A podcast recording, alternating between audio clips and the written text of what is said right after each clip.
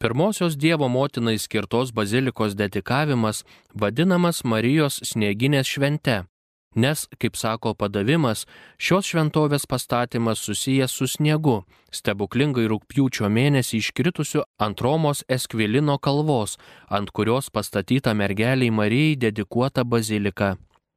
Pasak legendos, ketvirtojo amžiaus viduryje tuo metinis popiežius Liberijus susapnavęs mergelę Mariją ir jinai jo prašiusi pastatyti jai dedikuotą bažnyčią toje vietoje, kur po nakties bus pasnygę. Ir nors tai buvo vidurvasaris, rūpjūčio penktoji, iš tiesų Romos Eskvilino kalva buvo nuklota sniegu.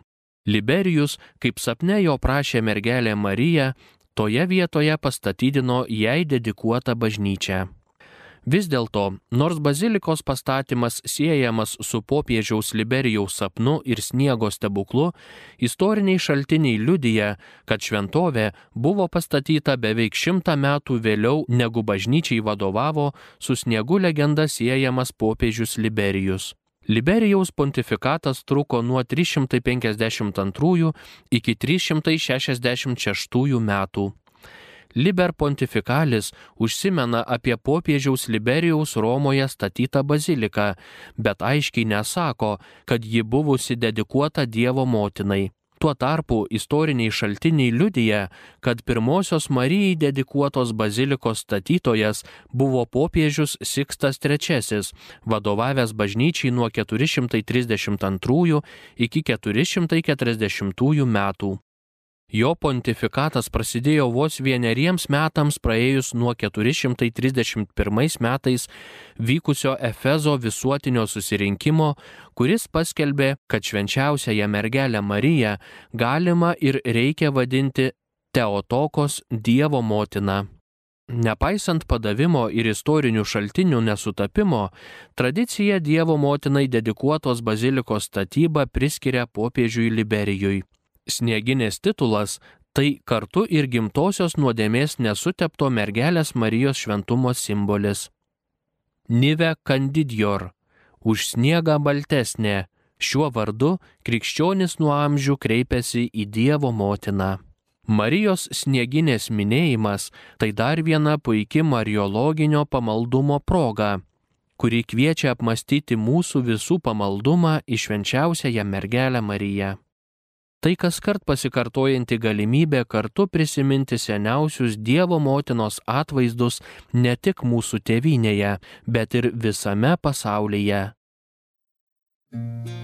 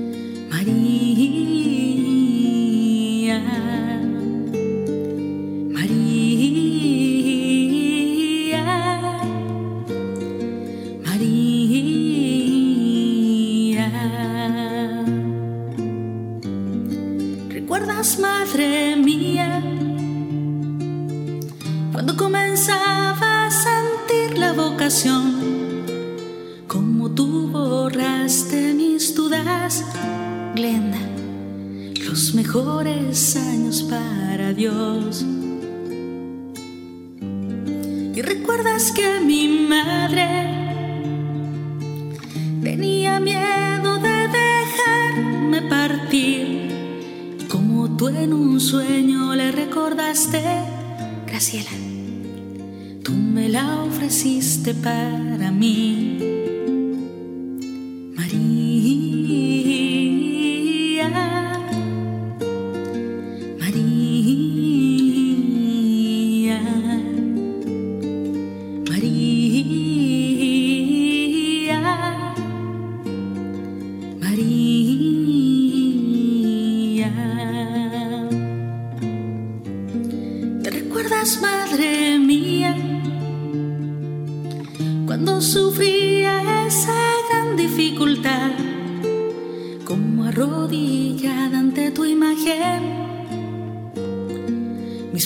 Yo volví a profesar.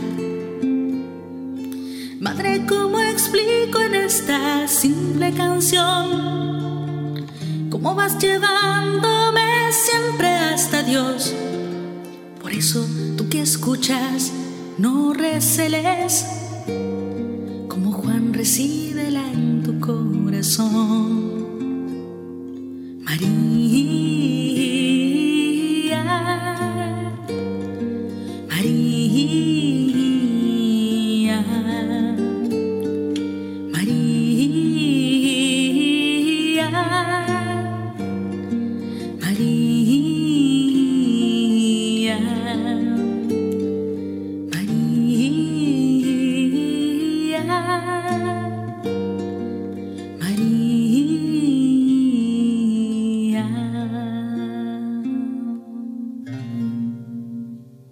Didžioji Marijos garbiai pašvesta bazilika Romoje - katalikų marijinio pamaldumo ženklas ir dėkingumo Dievo motinai išraiška. Bazilikoje saugomas vienas labiausiai gerbiamų atvaizdų - tai salus populi Romani, Romos tautos globėja. Geriau žinoma kaip snieginė Dievo motina. Taip XIX amžiuje pavadinta bizantiška mergelės Marijos su kūdikiu ikona, kurią tradicija priskiria ankstyviesiems krikščionims. Ji yra Romos Santa Marija Medžiorė bazilikoje. Paveikslas į Romą atkeliavo 590 metais popiežiaus Grigaliaus pirmojo pontifikato metu. 1838 metais rūpjūčio 15 dieną popiežius Grigalius XVI popiežiaus bule Kalestis Regina suteikė paveikslui kanoninę karūnaciją. Popiežius Pijus XII vėl karūnavo paveikslą ir įsakė surenkti viešą religinę procesiją 1954 metais, kurie buvo pavadinti Marijos metais. 2018 metais Vatikano muziejai atvaizdą nuvalė ir restauravo. Marijos atvaizdas ypač gerbiamas romiečių. Šis senovinis atvaizdas yra keturių pėdų aukščio ir dviejų su pusė pėdų pločio, arba kitaip tariant, 117 cm aukščio ir 79 cm pločio. Toks dydis techniškai labai didelis to meto ikonai. Jis nutapytas ant kedro medžio plokštės. Marija šiame atvaizde vilki tamsiai mėlyną apseustą su auksiniais apvadais ant violetinės tunikos. Viršuje esančiomis graikiškomis raidėmis Marija įvardyjama kaip Dievo motina, kaip įprasta Bizantijos mene. Ikonografijoje šis Marijos ikonos stilius vadinamas Teotokos, kas etimologiškai reiškia Dievo motina arba pažodžiui ta, kuri pagimdė Dievą. Švenčiausioji mergelė Marija vaizduojama su mėlynu maforijumi. Tai specialus rytietiškas galvos apdangalas, naudotas moterų. Marija apgaubta ir raudona aureolė, kuri vėliau buvo pakeista auksinė.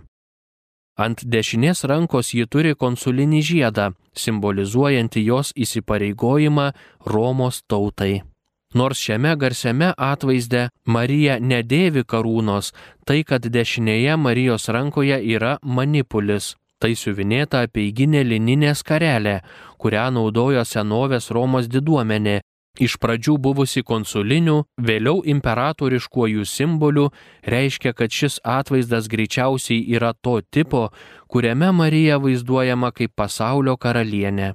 Sudėtos Marijos rankos išskiria šį atvaizdą kaip ankstyvąją ikonos tipo versiją, atsiradusią dar prieš XI amžiaus Odigitrijos ikonografijos raidą, kai Marija paprastai dešinę ranką rodo į Kristų, tarsi aukodama jį pasauliui.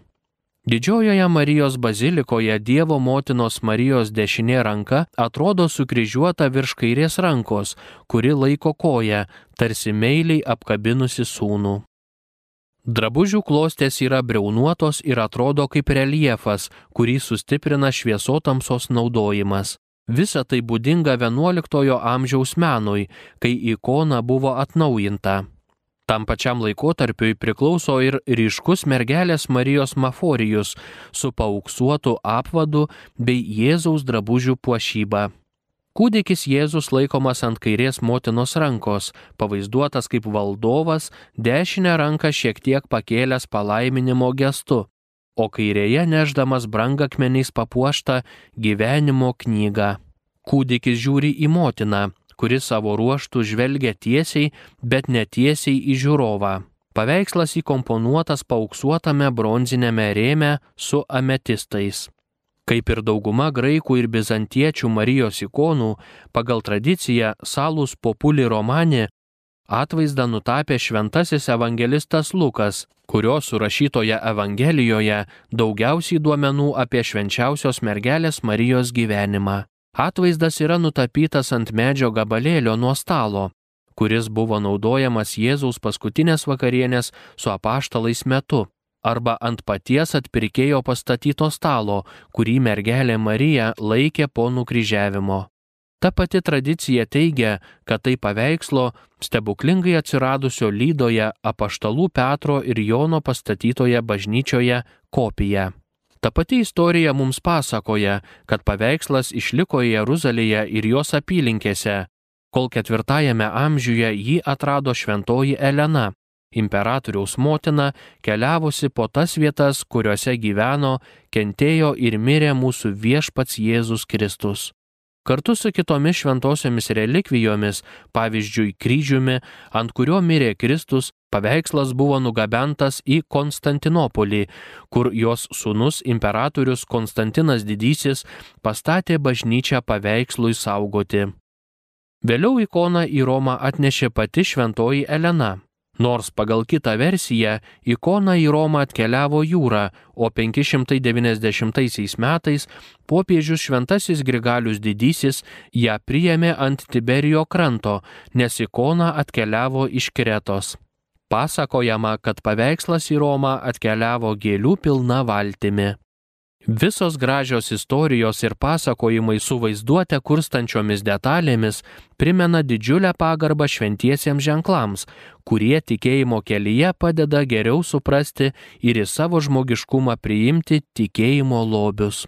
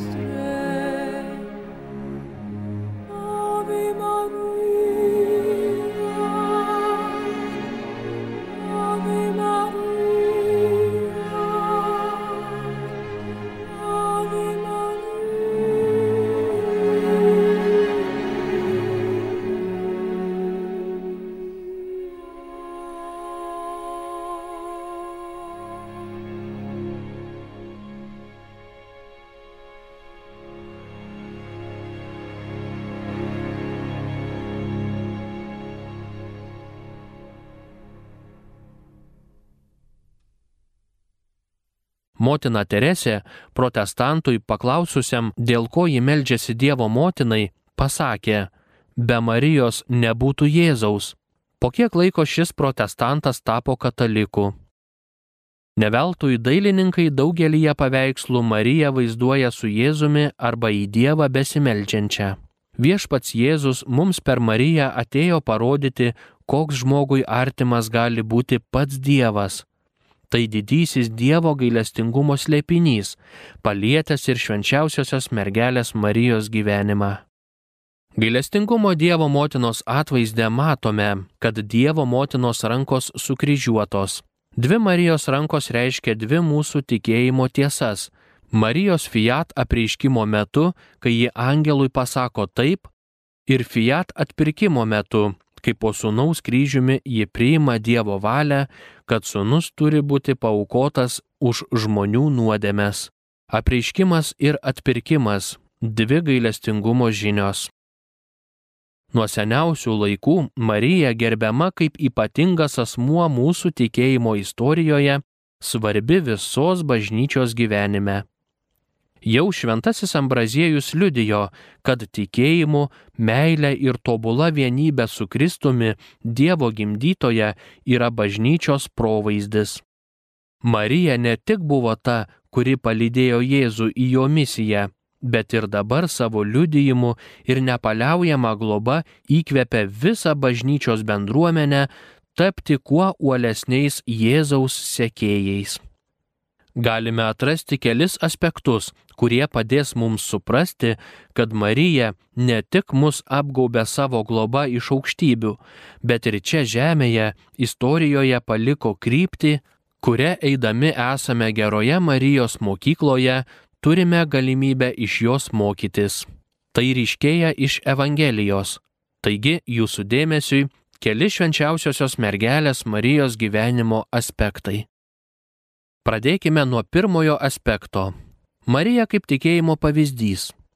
Kuria prasme Marija yra bažnyčios tikėjimo pavyzdys? Pagalvokime, kas buvo mergelė Marija, žydų tarnaitė, kuri visa širdimi laukė savo tautos atpirkimo. Tačiau šios jaunos Izraelio dukters širdyje buvo paslaptis, kurios ji pati nežinojo. Dievo meilės plane jai buvo skirta tapti atpirkėjo motina. Dievo pasiuntinys Marija pavadina malonės pilnają ir apreiškia šį planą. Marija atsako taip ir nuo tos akimirkos jos tikėjimas apšviečiamas nauja tiesa. Jis sutelkiamas į Jėzų, į Dievo sūnų, kuris gimė iš jos kūno ir kuriame išsipildo visos išganimo istorijos pažadai. Marijos tikėjimas yra Izraelio tikėjimo atbaigimas, joje iš tikrųjų koncentruojasi atpirkimo laukusios tautos kelionė. Visas kelias ir šia prasme ji yra bažnyčios tikėjimo pavyzdys, kurio centre Jėzus, begalinės Dievo meilės įsikūnyjimas. Kaip Marija išgyveno šį tikėjimą? Tarp tūkstančio įprastinių užsiemimų ir kasdienių kiekvienos mamos rūpeščių, galvojant apie maistą, drabužius, namus, šis įprastinis Dievo motinos gyvenimas buvo aplinka, kurioje mesgėsi išskirtinis ir gilus dialogas tarp jos ir Dievo, tarp jos ir sunaus. Marijos taip, jau nuo pradžių buvęs tobulas, augo iki pat kryžiaus valandos. Ten jos motinystė atsivėrė, apimdama kiekvieną iš mūsų, mūsų gyvenimus, kad vestų mus pas jos sūnų. Marija visada gyveno panirusi žmogumi tapusio Dievo slėpinyje, buvo pirmoji ir tobula jo mokinė, apie visus dalykus svarstydama savo širdyje, šventosios dvasios šviesoje, kad suprastų ir vykdytų Dievo valią. Galime savęs paklausti, Ar leidžiame, kad mus nušviestų mūsų motinos Marijos tikėjimas? Ar manome, kad ji tolima, pernelyg skirtinga nuo mūsų? Ar išbandymų, sunkumų, tamsos metu žvelgiame į ją kaip į pavyzdį pasitikėjimo Dievu, kuris visada trokšta mūsų gėrio? Pamastykime apie tai, Galbūt tai padės mums iš naujo atrasti tikėjimą išgyvenančią Mariją kaip bažnyčios provaizdį ir paveikslą.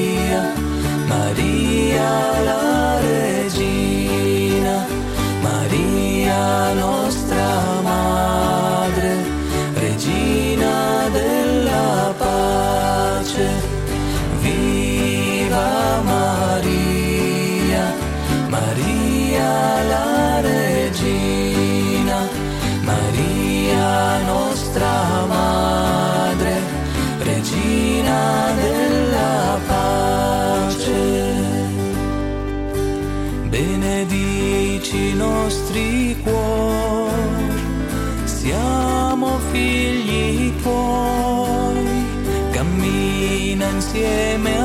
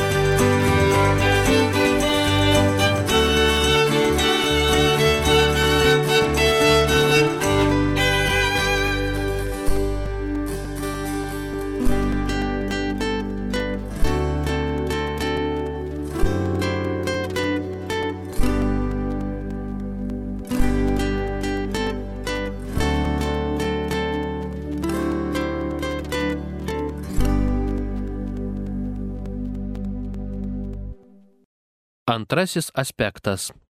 Marija kaip meilės pavyzdys. Kokiu būdu Marija yra gyvas meilės pavyzdys bažnyčiai?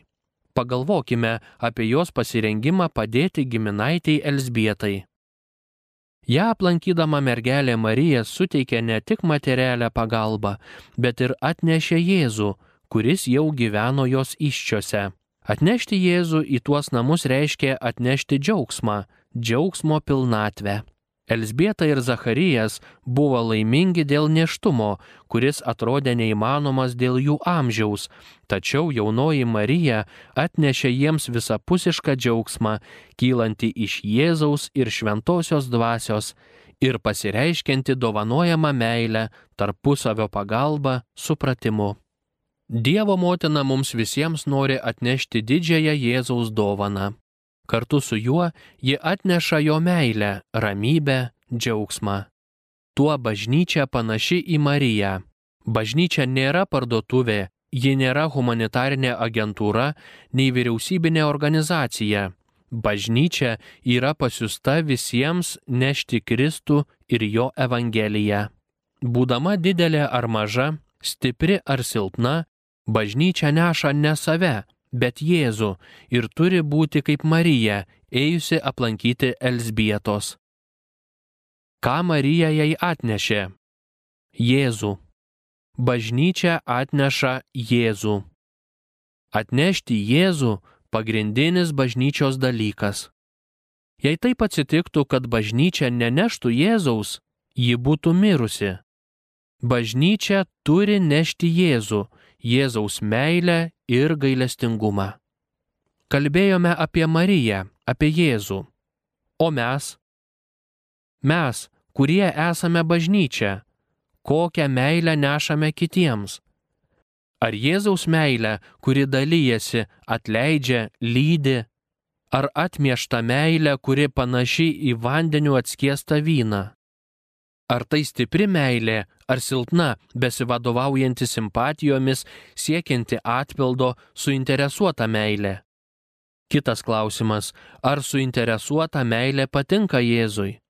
Ne, jam nepatinka, nes meilė turi būti dovanojama neatlygintinai, panašiai kaip dovanoja Jėzus.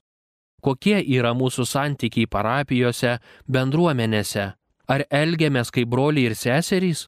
Ar teisėme vieni kitus, apkalbame, rūpinamės tik savo darželiu, ar rūpinamės kitu? Tokie yra meilės klausimai. Trumpai apie paskutinį aspektą. Marija kaip vienybės su Kristumi pavyzdys. Švenčiausioji mergelė gyveno savo tautos moters gyvenimą. Meldėsi, dirbo, ėjo į sinagogą. Tačiau kiekvieną veiksmą atlikdavo tobuloje vienybėje su Jėzumi. Ši vienybė pasiekia viršūnę Kalvarijoje. Čia Marija vienijasi su sunumi širdies kankinystėje, aukodama gyvenimą tėvui dėl žmonijos išganimo. Dievo motina dalyvavo savo sunaus kančioje ir kartu su juo priėmė tėvo valią tuo klusnumu, kuris duoda vaisių ir laiduoja tikrą pergalę prieš blogį ir mirtį. Marija mus moko labai gražaus dalyko - visada vienytis su Jėzumi. Paklauskime savęs, ar atsimename Jėzų tik tada, kai kas nors nesiseka ir kažko trūksta, ar palaikome su juo nuolatinį ryšį, tvirtą draugystę, net jei tai reiškia sekti jį kryžiaus keliu. Prašykime viešpaties jo malonės, jo jėgos, kad mūsų ir kiekvienos bažnytinės bendruomenės gyvenime atsispindėtų Marijos, bažnyčios motinos pavyzdys. Marija, kuri globojo visais laikais Kristaus sekėjus ir dabar savo maloningų rūpeščių te apsaugo mus nuo visokių negandų ir te padeda mylėti viešpati Dievą, kad pamynę nuodėmę gyventume dangaus karalystėje. Mėly Marijos radio klausytojai, šiandien bažnyčiai liturgijoje minint švenčiausiąją mergelę Mariją Snieginę, tai yra Romos mergelės Marijos didžiosios bazilikos dedikavimo metinės, turime progą apmastyti švenčiausiosios mergelės Marijos reikšmę mūsų tikėjimo kelyje. Klausėmės popiežiaus Pranciškaus minčių. Skaitė Marijos radio savanoris Vaida Šukys. Marijos globa te saugo kiekvieną iš mūsų. Likite drauge su Marijos radiju. Sudie.